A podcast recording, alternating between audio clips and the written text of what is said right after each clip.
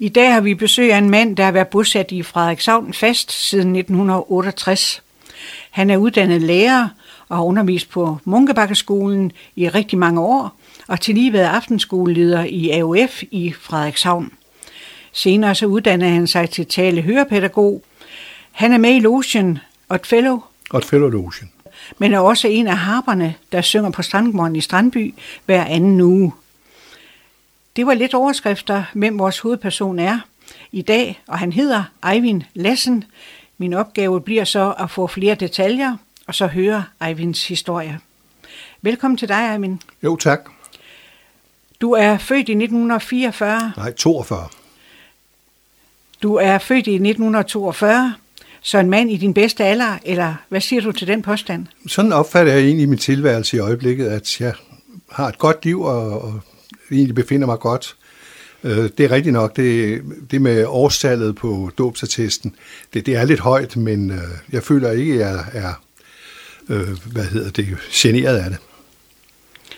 Hvis du skulle beskrive dig selv som person, altså din karakter som mand, far, bedstefar, oldefar og kammerat, hvordan skulle de ord så lyde? Jeg prøver, jeg kan godt lide mennesker, og jeg prøver på alle mulige måder at falde godt ind i de sammenhænge, jeg kommer, kommer ind i, og prøver at også bevare min integritet, men, øh, men øh, vil gerne være med og prøve at samarbejde med mennesker. Som man kan høre på din stemme, så er du jo ikke indfødt Vendelbo, Nej, men du har alligevel boet her i over 50 år. ja. Føler du dig som Vendelbo? Øh, det er faktisk et meget godt spørgsmål. Jeg er født i København og boet de første 23 år af mit liv i København. Men øh, jeg føler mig faktisk øh, som Frederikshavner, ja. Hvorfor taler du så stadigvæk sjællandsk? Fordi jeg synes, at det er vigtigt øh, med det sprog, jeg har. Jeg har aldrig prøvet at lave mit sprog om. Og det der at begynde at gøre det kunstigt at tale frederikshavnsk, øh, eller det, det synes jeg er meget forkert. Jeg har også boet tre år på Bornholm, og jeg oplevede mange, der kom fra København og blev gift med Bornholm, at, at de skulle prøve at tale bornholmsk, og jeg oplevede kun, at folk grinede af dem.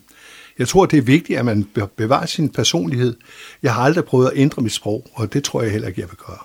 Nej, men du har faktisk boet jo i Frederikshavn Kommune i længere tid end i København jo. Det har jeg dobbelt så lang tid. Ja, Ja, og jeg var da gift med en Frederikshavner og kom i en frederikshavnsk familie, men det har ikke noget, der har ændret mit sprog. du har ikke lært øh, Vendelbo-målet endnu. Ej, jeg kan godt tale det, men øh, jeg gør det ikke til daglig. Allerede da du gik i skole, så var du ofte i frontlinjen. Øh, Du var med til at oprette skolens første elevråd. Ja, det var, det var, det var noget af en sensation, da vi lavede det på en skole ude på Amager i 1958-59. Hvad fik dig til at gå ind i det arbejde? Jamen, der er jo altid en lærer, der påvirker. Og det var der også her, da vi havde en matematiklærer, der egentlig var meget øh, inde på, at man skulle prøve at gøre mere ud af elevernes meninger og tanker. Og så øh, prøvede vi at, at få det oprettet, og det lykkedes faktisk at få det elevråd. At, vi, at man så kan sige, at det var ikke særlig alvorlige ting, vi nåede at arbejde med det år, jeg var med til det. Men øh, grundlaget var lagt. Dine forældre, kom de også fra København? Øh, ja, det, det, det gjorde min mors familie øh, af københavner på lang sigt, men min fars mor og far kom begge fra Jylland. Og hvad er det vigtigste, du har lært af dine forældre? Det er, det er et godt spørgsmål. Øh, det, det, der i 50'erne, 40'erne og 50'erne, der skulle man jo opføre sig ordentligt. Jeg tror, at, at det var noget, man gjorde meget ud af. At øh, man, jeg havde lavet min lektie, og jeg opførte mig pænt og ordentligt over for andre mennesker. Hvordan synes du, din barndom har været? Jeg har haft en meget spændende barndom, og øh, boede dels i Ordrup, nord for København, og dels på Amager. Og øh, jeg synes egentlig, at det ene sted, det var sådan mere vel, velordnet, end det er ude på Amager. Der var mere øh, blandede, hvad skal vi kalde det, sociale grupper, men det var faktisk spændende. Jeg synes, jeg havde en spændende ungdom på Amager, meget mere spændende, end den havde været i Ordrup. Hvad husker du bedst fra din barndom og ungdom? Øh, fra min ungdom, jeg, da jeg var omkring 11 år, blev jeg optaget i øh, det danske spejderkorps og øh, var engageret der i 12 år. Og der lærte jeg utrolig meget om, at der var Amager er ligesom en smeltedil og, og et billede af det hele den danske, det, øh, den, den danske øh, befolkning. Fordi der er folk, der har mange penge, der er folk, der ikke har nogen penge, og i alt det der øh, øh lavede, øh, foregik det spejderarbejde, jeg havde. Vi havde folk fra det fattigste Christianshavn, og vi havde folk, der sad i ministeriet, så det, det, det var en meget, meget blandet affære. Der lærte jeg meget om, om, om de sociale forskelle i samfundet. Du tog også en lederuddannelse inden for spejderlivet. Ja, øh, den, den der uddannelse, den hedder Gilvald-uddannelsen, og det er en, egentlig en meget lang uddannelse. Det tog par år. Det er både med teori og praksis og kursuser, at man er afsted øh, en, en uges tid og sådan noget. Så det, det var egentlig noget af en krævende opgave. Hvad har du brugt den uddannelse til? Ingenting. Jeg fik, øh, hvad det hedder, beviset, og det var, man får et specielt tørklæde, og det fik jeg to måneder før jeg forlod spejderbevægelsen. Da du flyttede til, til Jylland, tog du så øh, din interesse for spejderlivet med dig? Nej, det gjorde jeg ikke. Det var ligesom om, at jeg følte, da jeg forlod København, at det, det er et afsluttet kapitel. Og hvad har det lært dig? Det har lært mig at samarbejde med mennesker og få nogle gevaldige oplevelser. Jeg har været på nogle fantastiske ture, også udenlandsture, med øh, den spejdertrop, jeg var i, og lært utrolig mange spændende mennesker at kende, og kommet i mange forskellige slags hjem. Så jeg, jeg synes, jeg har fået utrolig meget ud af at være med i spejderbevægelsen. Så blev du lærerstuderende. Ja. Hvad fik dig til at vælge den vej? Det havde, det havde nok noget med spejderbevægelsen at gøre. Jeg havde været vant til at arbejde sammen med, med, med børn og, og unge mennesker. At det var det, der, der, der var drivkraften. At det lå ligesom til højre benet. Og hvad fik dig til at gå i den retning ellers? Der var ikke nogen traditioner i familien. Jeg, jeg tror, jeg var den første, der blev lærer i den familie, både med altså over for fædre og kusiner også. Men øh, det, det var øh, den interesse, at jeg, jeg, havde været vant til at arbejde sammen med mennesker, og været vant til at arbejde sammen med børn. Og du vil gerne undervise? Og jeg vil gerne undervise, ja. Havde du nogen erfaring? Nej, det havde jeg ikke. Du øh, blev vikar på Bornholm? Ja, det var sådan øh, dengang i 60'erne. Der var der en forfærdelig lærermangel i Danmark. Og øh, det var specielt galt i ude i distrikterne, altså Nordjylland, Vestjylland, Sønderjylland, Lolland Falster, Bornholm, det vestlige Sjælland. Og øh, det var således, at skolerne kunne ikke køre, hvis ikke der blev tilført en form for arbejdskraft. Og derfor forlangte man, at alle elever, der var cirka halvvejs færdige med deres læreruddannelse, skulle på det, vi kaldte ud på græs og være vikar. Og os, der ikke var gift eller øh, stod og skulle giftes, vi blev sendt ud i distrikterne, så jeg kom, blev sendt til Bornholm. Og hvordan var den oplevelse? Fantastisk. For der pludselig at komme ud og pludselig stå i den situation, som jeg skulle uddanne, eller var i gang med at uddanne mig til. Nu stod jeg i situation og havde ansvaret og skulle undervise de her børn. Og jeg synes ikke, det var en dårlig løsning, fordi da jeg kom, så havde der været en anden lærer før mig, og vedkommende havde lavet et fint kompendium. Og øh, jeg vidste, hvor langt børnene var kommet, og hvad jeg skulle undervise i, og det, det samme lavede jeg så til min efterfølger, som jeg jo aldrig nåede at hilse på. Jeg forlod øh, skolen dagen før vedkommende kom og overtog jobbet. Hvordan var det at være lærervikar dengang? Det var, fandt, det var godt. Altså nu, du tænker disciplinært, og så, det var meget nemt. Der, der var ingen disciplinære problemer. Altså, det, det, vi blev accepteret som normale lærere og optrådt som normale lærere på skolen, og, og, og børnene accepterede, at det var sådan, det kørte. Der var, der, dengang oplevede jeg ikke nogen af den slags ting. Det var også på Bornholm, du mødte din livs kærlighed. Ja, jeg mødte Gunhild fra Frederikshavn, og øh, et øh, halvt års tid efter vi havde forladt Bornholm, var vi ringforlovet, og halvandet år efter blev vi gift. Der var vi færdige med at læse begge to. Hun læste i Jørgen, og jeg læste i Hellerup. Og hun var også lærerstuderende? Hun var lærerstuderende i Jørgen, ja. Hvordan gik du til, du mødte Gunhild? Vi var på den samme skole. Vi kar på den samme skole, så vi løb sådan lidt over hinanden. Men øh, jeg kan da godt huske, at, at min mor var meget interesseret. Jeg skrev brev hjem om, hvordan forholdene var. Øh, på skolen med, med vikar og hvordan vi boede og så videre. Og så kan jeg huske, at jeg skrev, du kan være ganske rolig. Der er ikke nogen af de her jyske piger, der bliver svigerdatter i familien, men der tog jeg altså fejl. Hvad var det, du faldt for? Jeg, jeg faldt for en pige, der havde sine meninger smod, der havde lyst på livet og gerne ville ud at rejse og havde drømme, men også var en dygtig pige og, og, og, og en spændende pige. I blev så ringforlovet i 64. Ja. Hvordan gik det for sig dengang? Jamen, det gik jo øh, for sig på den måde, at man havde aftalt det på forhånd, at det skulle at på et tidspunkt, hvor jeg var i Frederikshavn, jeg tror det var i forbindelse med påsken. Jeg kan jo huske datoen, det var den 25. i 464. Og det kan jeg huske specielt, fordi det var den dag, hovedet blev skåret den lille havfru, så det var ikke mig, der gjorde det. Og jeg var i Frederikshavn. Men, øh, men øh, det var en, at vi havde aftalt, at det skulle være der, og så sad vi nede på havnen, stille og roligt, og satte ringene på. Og så havde mine svigerforældre lavet, når vi havde nogle venner og bekendte på besøg om aftenen. Så det er jo ikke så stort, som det er i dag? Overhovedet ikke. Så du er ikke nede på knæ, eller? Det husker jeg ikke, men det var jeg nok. på et eller andet tidspunkt. Efter forlovelsen, så skulle I så giftes? Ja, så skulle vi lige gøre vores uddannelse færdig. Der var jo et års tid til. Så øh, på det tidspunkt, der var det jo sådan, at vi mødtes hver 14. dag. Og det vil sige, at jeg pjekkede en gang om måneden på, øh, i Hellerup, og det så det samme i, øh, i Jørgen. Og så var hun i København en gang om måneden, og jeg var i Frederikshavn en gang om måneden. Så det var... Så hvis jeg nogensinde skal op i, i en quiz, så hedder de øh, Aalborg-båden Jens Bang og H.B. Prier. Dem kan jeg udenad. kan du huske første gang, du mødte dine svigerforældre? Ja, det kan jeg godt. Det var julen 63. Og hvordan var den oplevelse?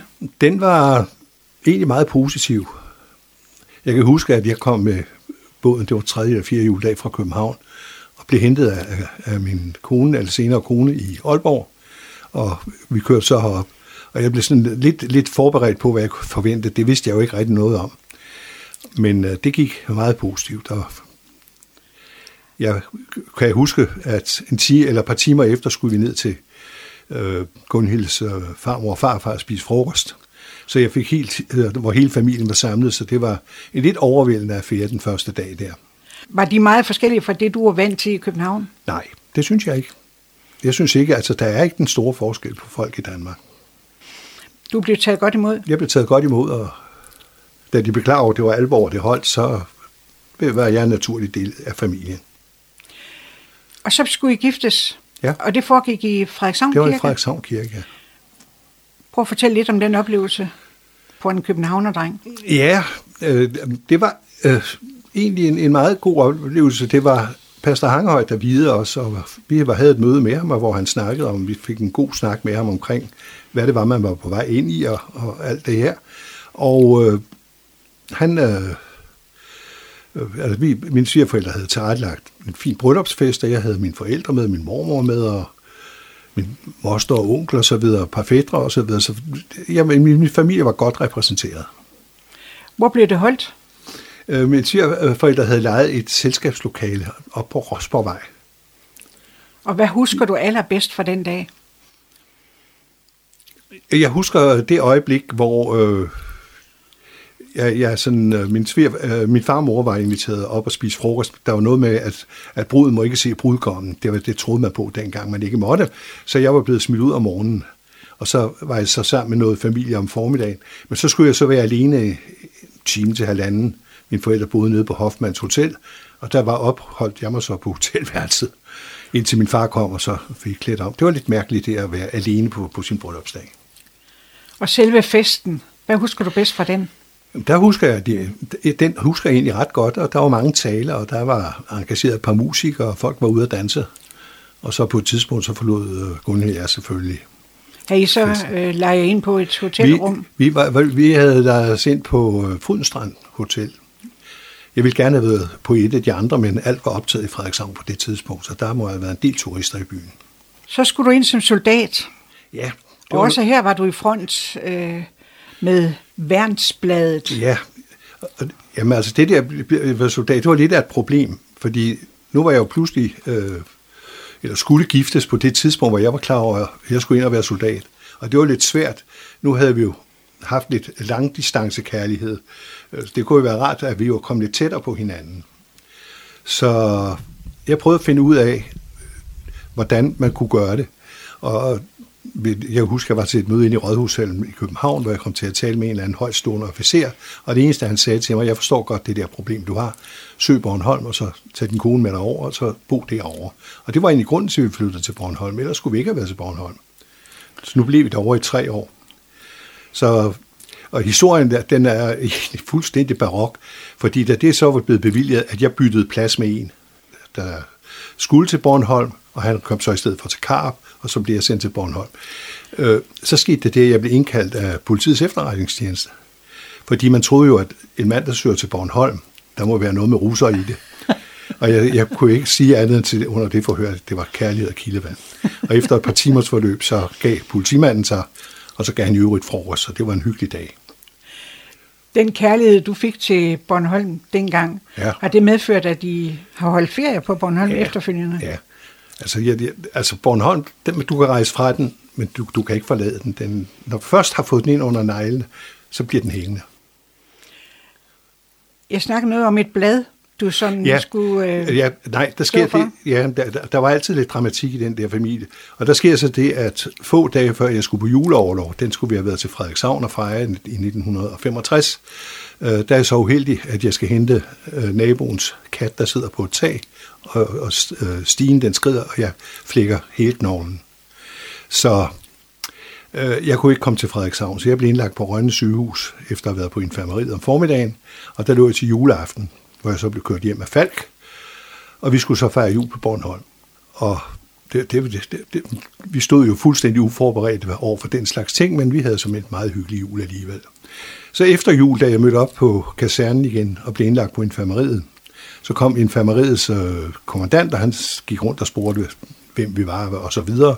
Og da han så hørte, at jeg boede på Bornholm, jeg var læreruddannet, og så siger han, du fejler jo ikke noget, kan du se komme op, siger han så, der står et skrivebord til dig, du kan selvfølgelig skrive, og du kan læse korrektur, og du kan øh, sætte, hvad hedder det, lave, øh, øh, sætte, sætte sider op og så videre, og så sagde det kunne jeg nok. Og så, fik jeg, så var jeg jo så engageret med at lave værnsbladet, bladet Griffen. Og hvem var værnsbladet øh, tilegnet? Det var tilegnet alle soldaterne på Bornholm. Vi var den største belægning i Danmark. Det havde russerne for langt, da de forlod Bornholm i april 46, at der skulle ligge 2.000 danske soldater på Bornholm. Vi fyldte rigtig meget derovre. Og det var en fantastisk spændende opgave at sidde og...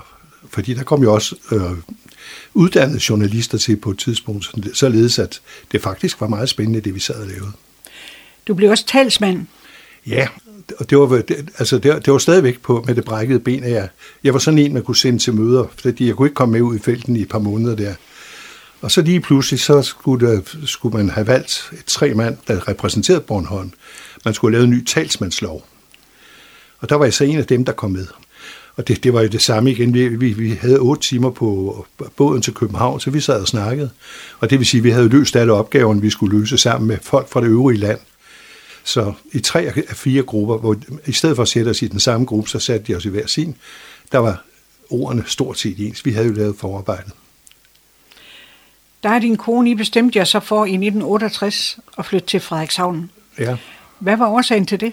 Øh, vi var enige om, at, at vi, vi, vi, vi ville gerne væk fra Bornholm. Det var ligesom om, at vi, vi havde fået vores ældste, den, vores ældste datter, og det var ligesom om på det tidspunkt, at der var ikke så mange små børn i området, og vi ville gerne ligesom prøve noget andet. Og min kone synes det kunne være spændende ligesom at komme lidt hjem. Men vi havde planer om, og jeg havde en vild plan om, at jeg ville gerne have været nede og arbejde på en af de danske skoler i Slesvig. Øh, fordi øh, det var lige før EU kom, eller EF, som det hed dengang. Det, det blev oprettet, og det kunne være spændende at være på i en grænse, øh, eller et grænseområde på det tidspunkt. Men det bliver aldrig til noget. Vi kom op på en ny skole, Munkebakken i Frederikshavn, og øh, det var alt for spændende at være med til at bygge den op. Kan du huske, hvad du tænkte om Frederikshavn, da du kommer til for at skulle bo? Jamen, jeg var, jeg var positiv indstillet over Frederikshavn. Frederikshavn var på det tidspunkt, havde, man havde lige fået øh, Ville Christensen som Nej, han, det var først senere, han blev borgmester. Han var skoledirektør på det tidspunkt. Og der var, Frederikshavn var opadkørende. Vi havde et stærkt fodboldhold. Vi var markant på, eller Frederikshavn øh, markerede sig flot på alle områder. Det var en frisk by med gang i, og det, det var jeg meget optaget af. Kan du huske, hvordan Frederikshavn så ud? Ja, det kan jeg godt. Øh, det- var, det var en noget anden by. Der var jo ikke noget, der hed motorvejsindkørsel, og der var ikke noget, der hed... Det var, det var den lange tur igennem Søndergade og, og så videre. Der, det var begrænset, hvor meget der var bygget vestpå over. Men, øh, men det var en by, som jeg oplevede det de kommende år efter, at den, den var i udvikling på det tidspunkt. Der blev bygget mange boliger, der blev øh, bygget skoler og så videre. Der var gang i den. Og du følte dig velkommen. Jeg har aldrig følt mig andet. Jeg har altid følt mig velkommen. Hvor bosatte I jer? Vi boede, bosatte, vi købte et lille hus på Peter Vilmosvej, og det og jeg er ikke særlig god med mine hænder, men øh, jeg havde jo en, en håndværksmester som svigerfar, så jeg skal love for, at jeg fik lært noget, så der er blevet bygget til mange gange på det hus. Og jeg bor der stadigvæk. I har begge to fået job på Munkebakkeskolen, fortalte du, Ja, i Frederikshavn. Hvad var det for en skole, I øh, kom til at undervise i? det var en ny skole med nye tanker, nye idéer, ny friskhed, altså over skolevæsenet. Det var et hav af nye unge lærere. Altså der, vi, vi fik utrolig mange øh, gode venner i vores egen alder, der, med, der også havde begyndt at få, få børn og så videre. Så det var en meget, meget dejlig arbejdsplads, og en meget spændende arbejdsplads at være på. Og samtidig skulle vi jo være med til at opfinde, hvordan skolen den skulle fungere. Hvilke fag havde du valgt at undervise i? Jamen, jeg, jeg, jeg, mit hovedfag, det er engelsk. Men øh, når man kom som øh, ung lærer og, og så videre, så skulle man jo også have en, en dansk klasse. Og, og det, de mandlige lærer, vi, vi sad på mange af de store klasser. Så jeg startede med at få en 8. klasse. Og det er meget sjovt, jeg spiller fodbold med en af de drenge, der gik i netop den 8. 8. klasse stadigvæk. Så, så han bliver 70 her en af dagene. Og øh, det, det, var, det, det synes jeg, det var, det var meget, meget spændende. Det var en, det var en, en god skole. Skilte den sig ud fra det, du var vant til? Ja, det gjorde den. Jeg synes, den, den havde et mere frisk pust end, end øh, både den, jeg havde oplevet på Bornholm og, og på, på den skole, jeg havde gået i København. Den skole, jeg gik på i København, det var en typisk københavnsk øh, kommuneskole. Udefra, der lignede den en mellemting mellem, mellem hvad hedder det, kommunehospitalet og Sing Sing. Altså, den var også opbygget til, hvis der var krig, så skulle den have bruges som hospital og sådan noget. Bygget en gang det i starten af 30'erne. Men øh, Ja, der var meget stor forskel. Vi gik i rene drengeklasser, der var pigeklasser, og gud noget at trøst, hvis man kom ind i pigesiden af skolen. Altså det var næsten det, det værste, man kunne gøre. Gik man også i skole om lørdagen? Man gik også i skole om lørdagen. Det har jeg også været med til i Frederikshavn. Og på skolen, der påtog du dig nogle flere ekstra roller. Du tog ansvar, du blev lærerrådsformand, Ja, og øhm, fælles, fælleslærerådsformand, ja. fælles lærerrådsformand. Ja. Hvad var det, der gjorde, at du havde lyst til at engagere dig så meget? Altså, Jamen, jeg synes, jeg synes altså, det der med at arbejde med børn, og prøve at gøre den skole, vi havde, som den skole, jeg selv havde gået på, var meget gammeldags og meget konservativt øh, syns, så synes jeg, det kunne være spændende at være med til at lave en bedre skole. Altså, vi havde jo set, at der var nogle skolevæsener, der godt kunne. Gentofte skolevæsen var formidabelt godt. Gladsaxe var i fuld gang og så videre. Altså prøve at være med til at sige, Frederikshavn kan også. og hvilke opgaver havde I? Jamen altså, vi, vi havde de opgaver at prøve, altså fællesrådsformand sad jeg også i skolekommissionen, uden stemmeret naturligvis, men øh, havde taleret og, og, og kunne være med til at påvirke politikerne til at, at gennemføre nogle nye ting. Men ikke kun på Munkebakkeskolen, men Nej, nej, det, generelt. det var, altså, nej, nej, fællesråd, det var i og for alle, alle lærerrådsformændene, hvor vi så havde møde en gang om måneden cirka, hvor vi diskuterede, hvad der foregik i de enkelte lærerråd, og om der var nogle forslag, der skulle bringes videre til skolekommissionen, som skulle selvfølgelig udarbejdes som, som skriftlige forslag, der blev sendt til medlemmer af skolekommissionen osv. Hvad var noget af det vigtigste aftryk, du fik sat dengang? Øh, det var, at øh, vi fandt ud af, at, at Frederikshavn lå meget, meget langt nede med hensyn til udgift per elev. Øh, Der var meget, blandt andet undervisningsmidler, der manglede, der var timer, der ikke var nok af osv. Og det var at kæmpe nogle af de ting igennem, således at vi fik et mere skolevæsen, der var mere up to date. Men det var, det var svært, fordi mange politikere havde den holdning, at de havde gået i den skråtægte skole, og, der, og derved troede, at det, det var det, det hele drejede sig om. Så i 79, så blev du aftenskoleleder for ja. AUF i Frederikshavn. Ja. Var det en uh, fuldtidsstilling, eller var det mere arbejde? Nej, det var ikke, det var ekstra arbejde. Jeg, det var et, et, et job, jeg havde ved siden af. Og hvad fik dig til at søge sådan en stilling? Jeg søgte ikke, egentlig ikke stillingen. Jeg blev øh, bedt om, om jeg ikke ville overtage den. Og hvad var din opgave i den henseende? Det var at tilrettelægge øh, et program øh, for, med hensyn til undervisning. Og på det tidspunkt havde vi jo det, der hed verdens bedste fritidslov. Det var sådan, at der var ikke noget økonomisk loft. Jeg kunne lave lige så mange hold, jeg ville. Var der 12, der betalte på et hold, så var det, og der var en, en godkendt lærer, så kørte holdet. Jamen, hvorfor var der brug for AUF, øh, når man også havde en folkeskole? Jamen, det var det her, det var for voksne. AUF, det var, det var jo undervisning af voksne, altså der havde lyst til at, der var, det var et meget, meget bredt felt, altså folk kunne stort set øh, få, få kursus i alting. De kunne lære foto, de kunne til gymnastik, de kunne lære engelsk, altså syning og så videre. Var det om dagen eller om aftenen? Det foregik både øh, om dagen og om aftenen. Det var, hvor det kunne skaffes lokaler. Hvordan var den opgave, synes du? Det var stadigvæk, fordi jeg mødte mange forskellige øh, mennesker, og jeg mødte mange forskellige undervisere, altså der ikke var øh, seminaruddannede, folk, der havde et håndværk, folk, der kunne nogle ting, og så egentlig øh, klarede det vældig godt. Men det var, det var, det var spændende. For nylig så er det kommet frem, øh, at AUF Nordjylland er erklæret konkurs. Ja, det har jeg læst. Hvad gør det ved dig? Det kan jeg ikke forstå. Altså, det, det, det burde ikke kunne lade sig gøre. Men det er jo klart, at hvis man har slået større brød op, end, end øh, hvad skal vi sige, indtægterne svarer til, så, så er det jo en konsekvens, der godt kan ske. Du var aftenskoleleder frem til 83. Ja. Så ville du pludselig være tale-hørepædagog. Ja. Hvorfor det? Øh, det, var, altså, det var således, at vi på det tidspunkt havde fundet ud af, at der var nogle børn i Frederikshavn, der ikke kunne læse. De gik i 3. og 4. klasse. Og det vil så sige, at man prøvede at lave en form for undervisning, øh, hvor man kunne prøve at lære på en anden måde. Altså oplevelsespædagogik, prøve at finde ud af, at de kunne lære ordene, og så måske senere kunne vi få et skriftsprog indført også.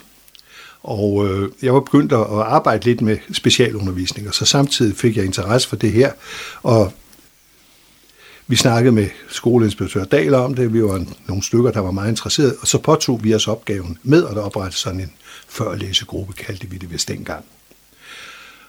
Og fik så elever, det, det, det er klart, de første elever, det er selvfølgelig nogen, der, der ikke hørte hjemme, fordi det, det gik mere på deres opførsel. Men de elever, vi så fik hen, ind efterhånden, det var børn, der af forskellige årsager ikke havde været i stand til at, at lære noget. Børnene, de øh, kom fra alle skoler i Frederikshavn, og blev kørt op på Munkebakkeskolen, og der havde vi så nogle lokaler til rådighed. Hvad var dine reelle arbejdsopgaver som hører talepædagog? Da jeg blev uddannet der, det var en, det var en toårig uddannelse øh, i Aarhus. Og jeg boede i Aarhus det første år, havde, eller havde et værelse. Jeg boede selvfølgelig i Frederikshavn, men var hjemme i weekenderne. Og øh, min opgave der, det var jo at arbejde også med børn, der ikke var sprogligt øh, formående, altså simpelthen ikke havde sprog nok. Og så arbejde med børn, der havde forskellige øh, sproglige øh, problemer, altså der stammede, der lispede, der havde problemer med at udtale lyde osv., og, og også børn, der, der havde høreproblemer. Og det var ikke for en enkelt skole, det var både i skoler og børnehaver, private hjem osv. Så, videre. så det var en lidt omfarende tilværelse. Var det din passion inden for lærerfaget? Sprog var, ja. Jeg har fundet ud af, at, at sprog er, er, er en meget, meget vigtig del af et menneskes øh, personlighed. Og, og det er utrolig vigtigt, hvis man skal undervise, eller man skal lære noget, at man så har et, et sprog, der kan fungere. Vi har Eivind Lassen i studiet, og Eivind, lad os lige vende tilbage til dit familieliv. Ja. I fik tre børn. Ja. Hvad hedder de, og hvor bor de? Øh, Dorte er bliver 57 her en af dagene, og hun bor i øh, Snorhøj nede ved Fredericia. Og Malene er lige blevet 54, hun bor i Aarhus. Og Martin, han er lille efternøler, han er 48 år, og han bor i Vejle. Og ingen blev her i ingen, ingen, det desværre, desværre er der ikke nogen af dem, der bliver her, nej. Ikke alt er lyserødt i jeres familie, fordi din kone fik brystkræft i 97. Ja og blive opereret. Hvad kom det til at betyde for jer? Det kom til at betyde, at du er klar over det, det her med, at livet var ikke ved. Nu gik det lige så godt. Økonomien var blevet bedre. Vi havde fået bygget til hus, og børnene var blevet store. Alt kørte i og for sig super godt. Og jeg havde holdt fødselsdag, og vi holdt store 50 års fødselsdag begge så i starten af 90'erne. Alt så lovende ud. Og så lige pludselig går der op for en, hosa, det her, det, det kan godt være, at det ikke var så længe. Hvad skete der? Hvordan opdagede I det? Øh, min svigermor havde, var blevet opereret for brystkræft et par år før, og så lå det ligesom i luften, at min kone også blev undersøgt. Og så fandt de jo altså, at der var en knude. Så derfor blev hun opereret. Men hun kom jo godt over det, altså. Øh, blev under, øh, var, vi var til undersøgelse igennem 10 år. De sidste år, altså var det en gang om året, eller hver halve år, ikke? Men øh, det lød jo til, at i 2007 blev hun erklæret rask. Jeg kan huske, at vi kom ud til Aalborg sygehus. Det var en svensk kvindelig læge, der sad og snakkede med os. Og så siger hun til mig, du har forhåbentlig taget din pung med. Jeg siger jeg, hvorfor skulle jeg det her? Noget, jeg skal betale. Ja, du skulle betale en kæmpe middag til din kone nu. Og det gjorde vi så. Men øh, så vi, det, der var alt jo glædeligt. Og øh, det medførte også, at jeg havde lovet min kone på et tidspunkt, hun ville meget gerne ud at rejse. Det ville jeg også at vi skulle ud og rejse, men du ved, så kom der børn, og så skulle der bygges til hus, og der skulle en ny bil til. Så vi havde ikke været rigtig i gang, men da hun får den her sygdom, er jeg klar over, at hvis jeg skal øh, holde det løfte nogenlunde, jamen, så skulle vi til at i gang med det. Så var det mere simpelthen øh, komme i gang. Så den første tur, den kom afsted allerede i 98. Der var vi en tur på Bali, og så gik det slag i slag, så rejste vi stort set over hele verden. Hvor gammel var din kone, da hun blev syg første gang? Øh, hun var 53. Og hvordan taklede I det som par? Fik I snakket om tingene? Ja, det gjorde vi i for sig. Det, altså det, I den situation, der oplever man jo pludselig, at man, man, man håber på, at, at det går godt, ikke? Og derfor, det, det, der skulle til, det skulle til. Fik I snakke om, hvad det værste var, der kunne ske? Nej, ikke, nok ikke på det tidspunkt. Der håbede vi nu. Og, og så viste det sig, at, at den, øh, den behandling, hun havde fået, at den, den, den virkede altså. Men den virkede så kun i, i nogle år. Eller den virkede, ja, altså man kan jo sige fra 97, så hun dør i 16, det er 19 år. Så det, det er jo i, i og for sig en pæn tid. Men det kom jeg hårdt igen i 2012. Din kone fik tilbagefald? Ja. Pludselig så sad kræften i knoglerne. Hvordan opdagede hun det?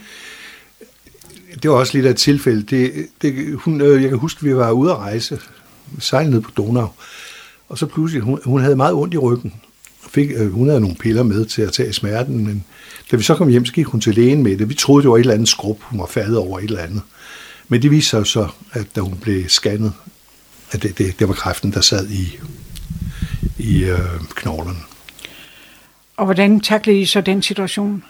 Ikke andet, altså stadigvæk, at vi, vi håbede, at øh, man kunne gøre noget ved det, altså at behandling kunne, kunne hjælpe. Fik hun tilbudt en ny stråle? Ja, nej, det var, ikke, det, var, det, var, det var kemokur, der blev tilbudt det, det tidspunkt. Det var, det var nogle hårde år. Det fyldte og, mig i jeres ja, det, fyldte, det fyldte utrolig meget i vores liv, ja. ja. Og børnene var flyttet hjemmefra? Ja. Og de var selvfølgelig også involveret i processen? De var involveret i, i, i processen, ja.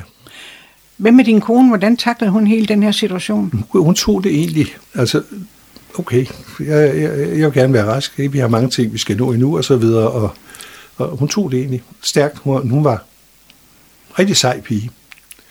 Og øh, det, det, det, det, altså, vi prøvede at få det bedst mulige ud af det, den tilværelse, øh, vi kunne få. Øh, vi har, øh, eller familien har et sommerhus oppe i Napstjert, og der tilbragte vi meget tid. Kun enkelte gange oplevede jeg, at det, det ligesom kiksede, altså, hvor hun blev meget, meget ked af det.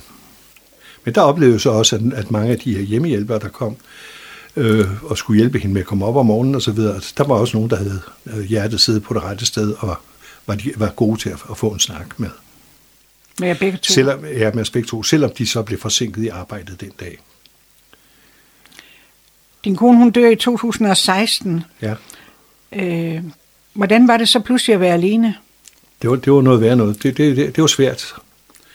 Altså, der skete jo meget der, omkring dødsfald. Jamen, der sker jo mange ting, og, og der, øh, med bisættelser og alt det der. Der, der er familien meget samlet, og der er venner og bekendte.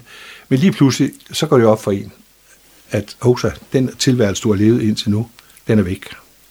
Og så skal der, der ligesom arbejdes kraftigt op på, at nu skal der ske noget nyt. Havde dig og din kone fordelt øh, opgaverne sådan, at der var nogle ting, din kone var ekspert i, og, og ting, som du var ekspert i? Ja, det, det er desværre, desværre. Altså, min kone var nørden, hun var den, der, der vidste alt om EDB, som jeg ikke vidste ret meget om. Og så madlavning. Resten, det klarede jeg. Og det kom til at betyde noget for dig det gjorde det. senere? Det gjorde det. At øh, jeg faktisk ikke var så god til det, som jeg troede. Hvad, øh, hvad gjorde du reelt for jamen, at altså, komme ud af den jamen, mørke? Jeg var, jeg var jo nødt til at lære, lære noget mere om EDB. Altså de praktiske ting, jeg, jeg er ikke særlig god til det stadigvæk, men, men det, jeg skal bruge, det kan jeg godt. Og, og det med madlavning, det, der er heldigvis nogle lette løsninger. Hvordan kom du øh, ud af mørket?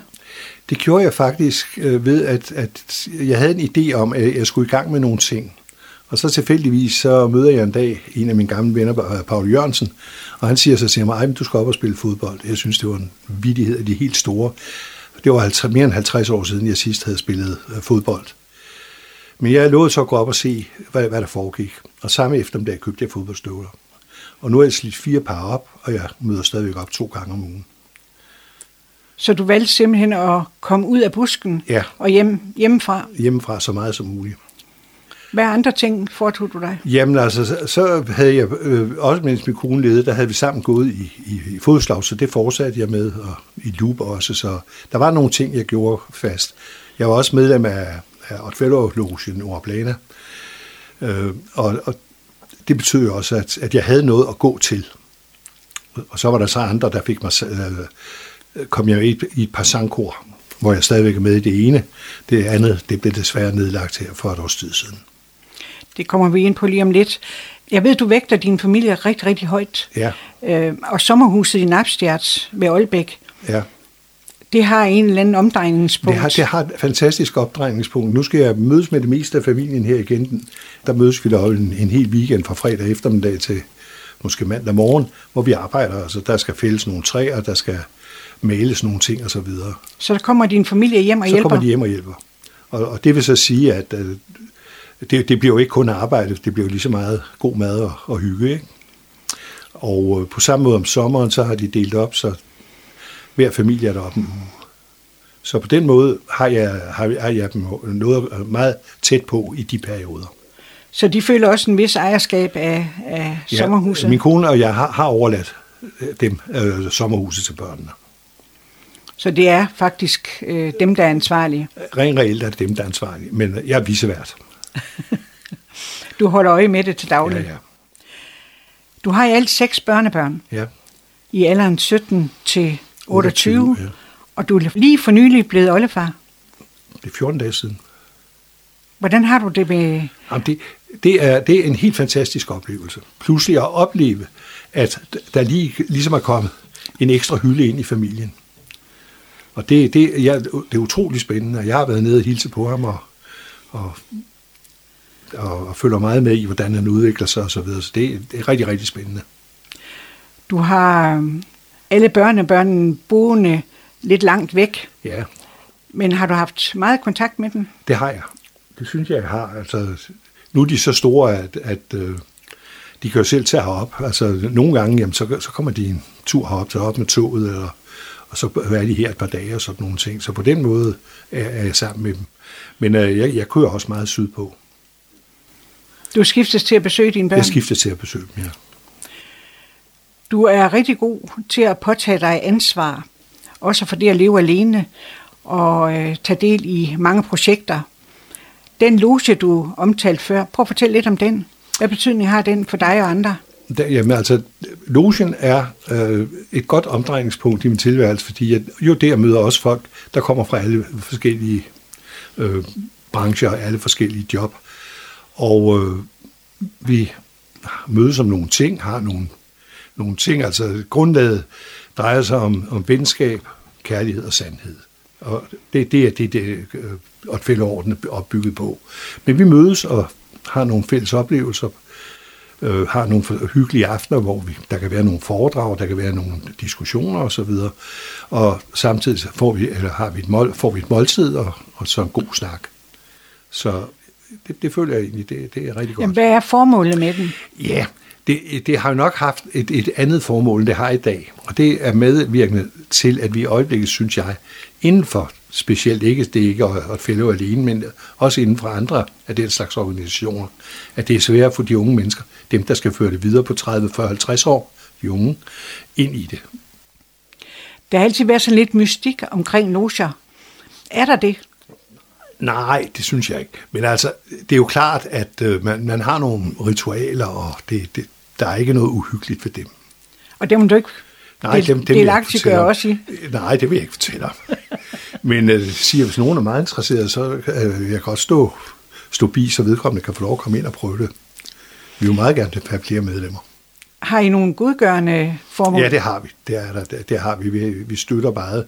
Men efterhånden, som vi ikke er så mange, jamen, så er økonomien jo også presset, så det er begrænset, hvad vi har midler til at støtte med. Men ellers har vi været meget mere, at det er både kunst, kultur og forskellige organisationer, som laver øh, forskellige former for, for arbejde, ja.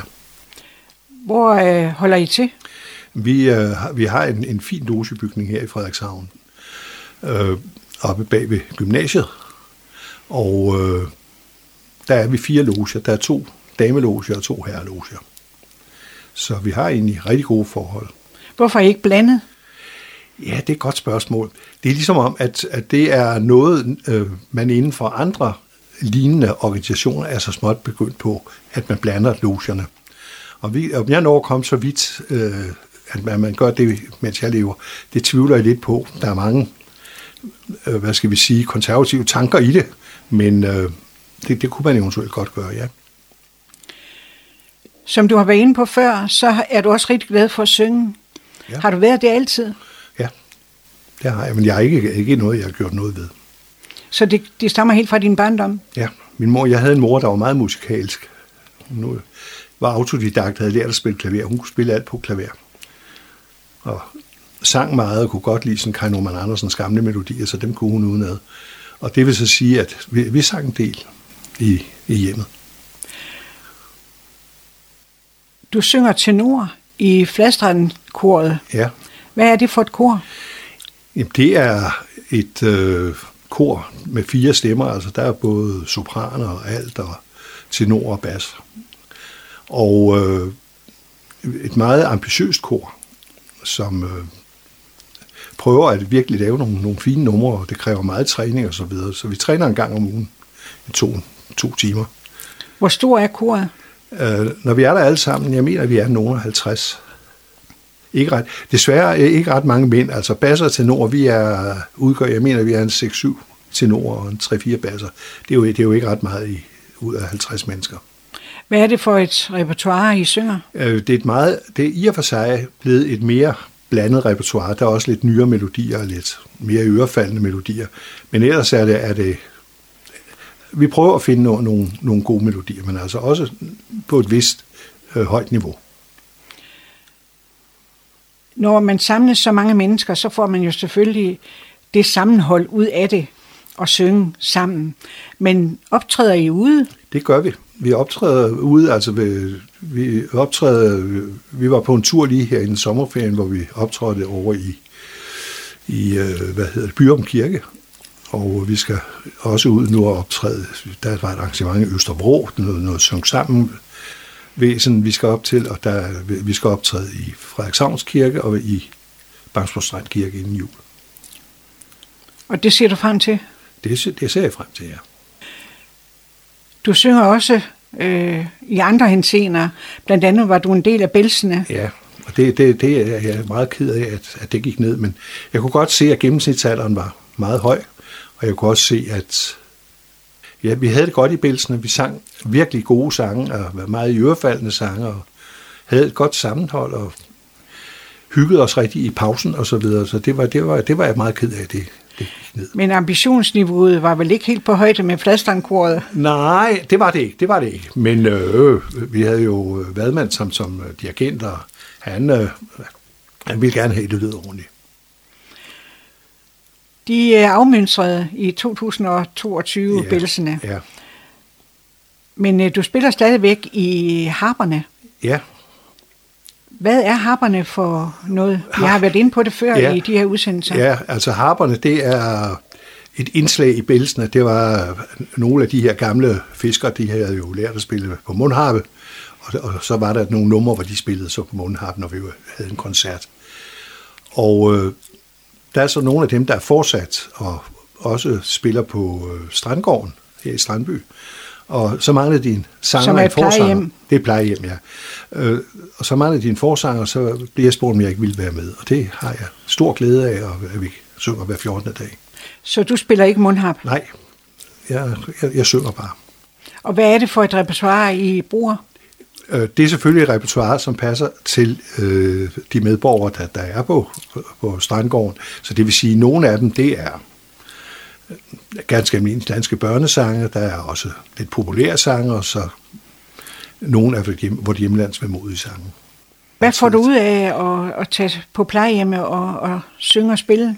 Jamen det, jeg, har, det- jeg har det godt, fordi når, altså, når folk sidder og synger med, og det, det er jo meget, mange af melodierne selvfølgelig nogen, de kender, eller vi alle sammen kender.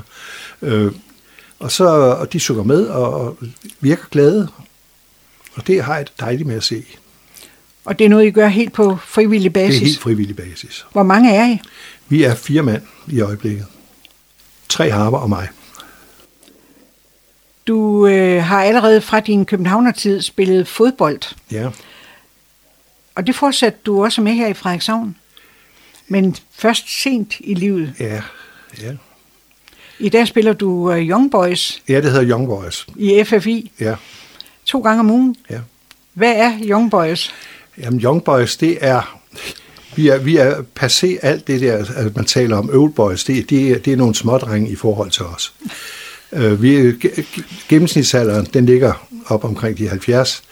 Øh, vi er, de yngste, de er 65. Så det er nogle gamle drenge, men mange af dem er fremragende fodboldspillere. Det er de jo stadigvæk. Så det er fodbold på et højt niveau. Og så er der os, der ikke rigtig kan løbe mere. Vi, er, vi, vi løber lidt i vejen og prøver at lave nogle mål indimellem. Men øh, er med i det hele. Og samtidig så er det ikke kun fodbold, men vi mødes bagefter, hvor vi sidder og snakker en halv time, tre kvarter over en kop kaffe, og diskuterer indimellem de store ting i livet, og andre gange fodboldkampens resultat.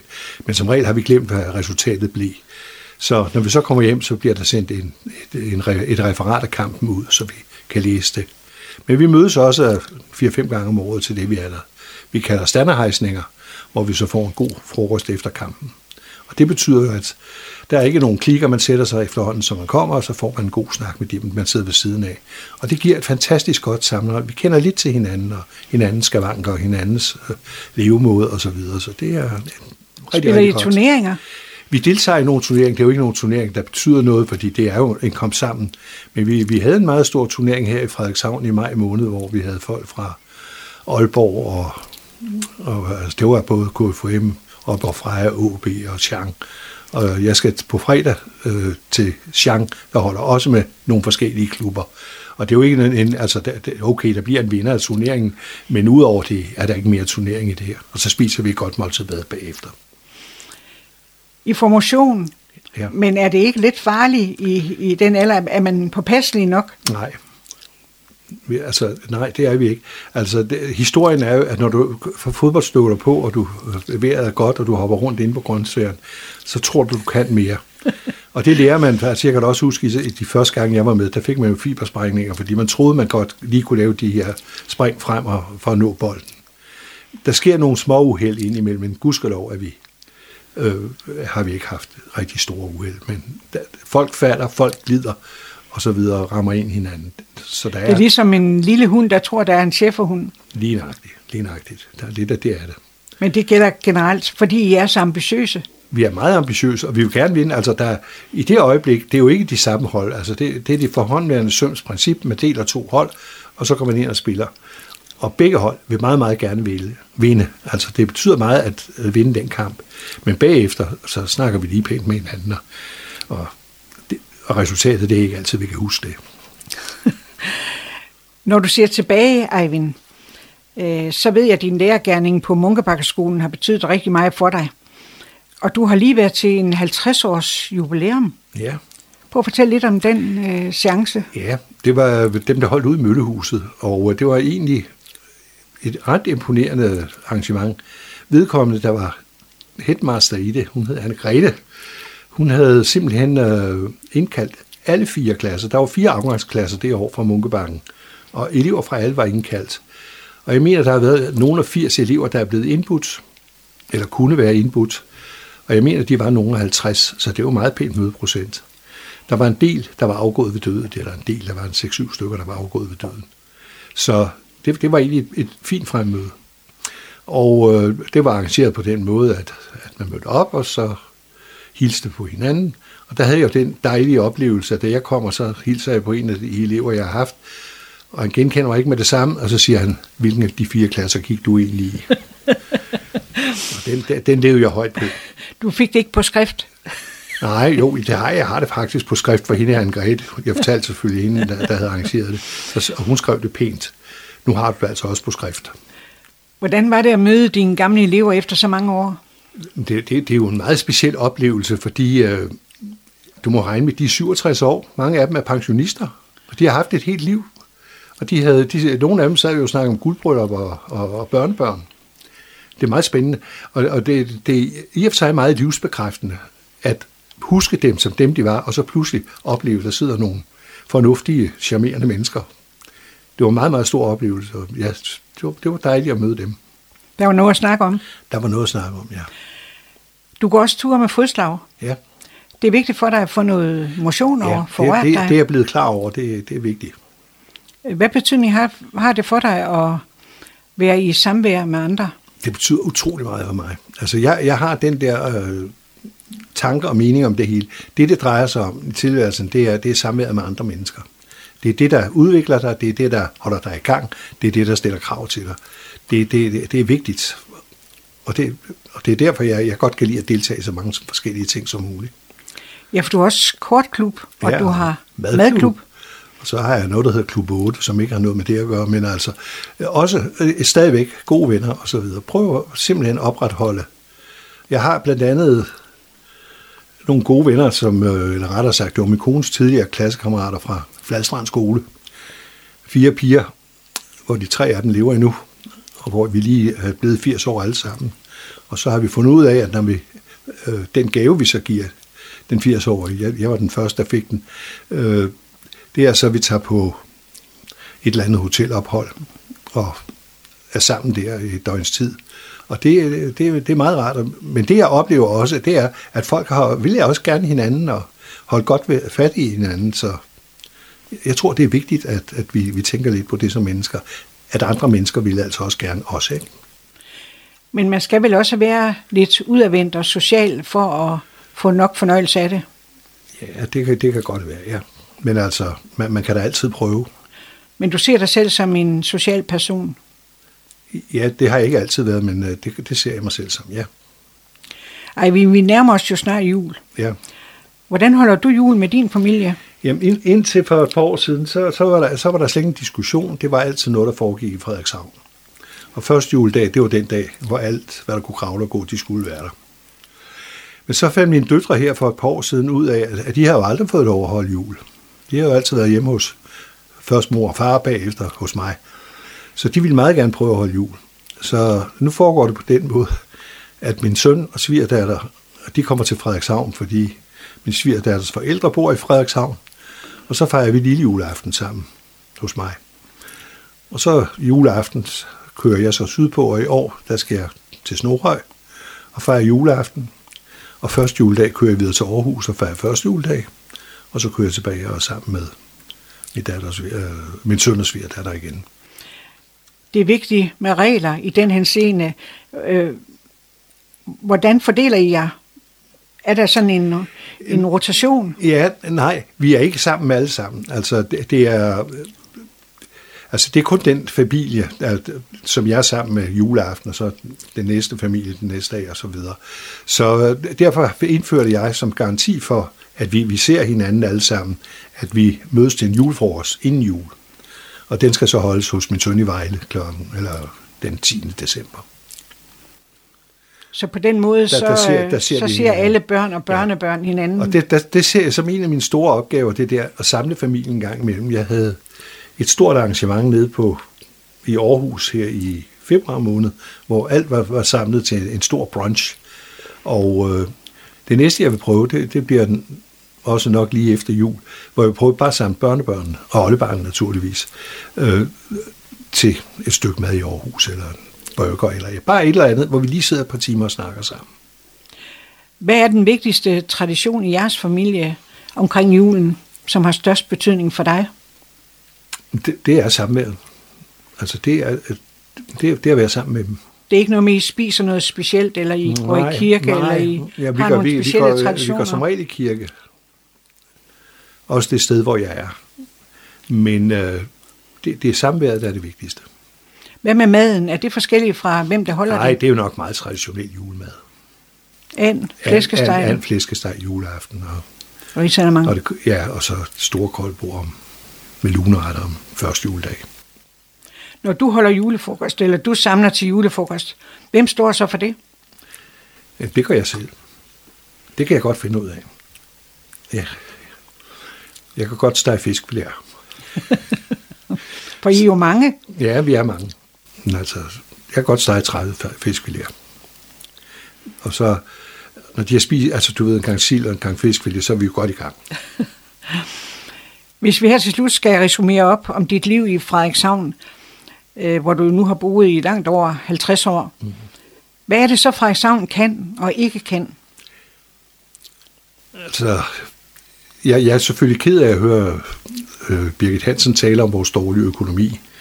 Og jeg er ked af at se, at indbyggertallet falder. Men øh, noget af det, jeg husker, Frederikshavn var, da jeg kom herop i sin tid, det var, en, der var en friskhed, der var frisk pust over folk, der var en tro på, at, at, at vi kan godt klare det. Og, og den, den, den, den mangler jeg lidt i øjeblikket, synes jeg. Altså den her lidt fandelig voldske måde at leve på. Hvis du skulle give byrådet et godt råd, når du sådan beskuer ind i fremtiden, ja.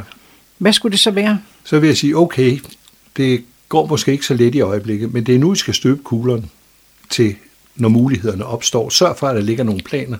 Arbejd på at være optimister, og så prøv at være klar til i samme øjeblik, at de her ting kan gennemføres og gennemføre man altså sørge for at få nogle ting i gang, få nogle ting til at køre. Hvordan får vi de unge mennesker til at blive i Frederikshavn? Det, det, er, det drejer sig kun om arbejdspladser. Altså hvis vi havde nogle virksomheder, der krævede en, altså folk med en vis uddannelse, jamen så tror jeg, vi fik de folk. Så det kræver både, at man kan uddanne sig, og der er arbejde til den bagefter? Og der skal være arbejde til den bagefter. Hvad er det, Frederikshavn har at byde på? Jamen, Frederikshavn har, har, har i og for sig, det, det, det er en by, der, der har det hele, og så har den en fantastisk omegn, vi har en fantastisk natur heroppe, og det er hav omkring det hele. Det kan faktisk ikke være meget bedre. Ej, men har du aldrig tænkt på at flytte tilbage til Sjælland igen? Fordi du har jo sådan set ikke øh, Nej, lige øjeblikket. Rødder. Nej, jeg har ingen rødder heroppe. Nej, det har jeg ikke. Jeg, jeg, jeg føler mig, befinder mig utrolig godt her i Frederikshavn, og føler, det her, jeg hører hjemme. Så jeg har ingen planer om at skal, skal nogen steder hen. Og som du også sagde i starten, du føler dig som Frederikshavner. Ja. Og jeg har den der den lidt mærkelige oplevelse. Jeg har stadigvæk gode venner i København, som jeg besøger, og, og familie også. Øh, desværre ikke så meget mere, men øh, jeg har altid oplevet, at når vi er inviteret til noget heroppe i Frederikshavn, så siger folk, nej, det kan vi ikke nå. Det, der, der er så langt til Frederikshavn. Og jeg oplever så det, det modsatte, når vi blev inviteret i gamle dage til fester i København.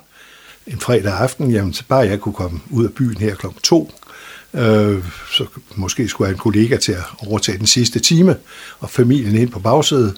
Bare jeg kunne nå færgen i Æbeltoft klokken 4, så kunne vi være i København klokken halv seks. Nej, det er klokken halv syv. Og så kunne vi deltage i festlighederne. Festtøjet og, og håret blev sat ombord på Molslinjen. så på den måde var der ingen problemer. Jeg, jeg har lige været til en 80-års fødselsdag i maj måned i Rungsted, og, og der var, det var en gevaldig fest. Og så sidder folk og hjælper og spørger mig, hvor har du overnattet i nat? Så siger jeg, overnattet i nat? Jeg der sovet i min seng i Frederikshavn, og jeg sidder og læser avis, og jeg har fået min morgenkaffe, og alt helt som jeg plejer. Og så kørte jeg fra Frederikshavn kvart i 10, og så kørte jeg en færge kvart over 12 i Aarhus. Værre er det altså ikke. Så vejen fra København til Frederikshavn er længere end... Den er meget længere end den anden vej. Du er jo i dag pensionist. Ja. Hvad ønsker du dig egentlig af fremtiden?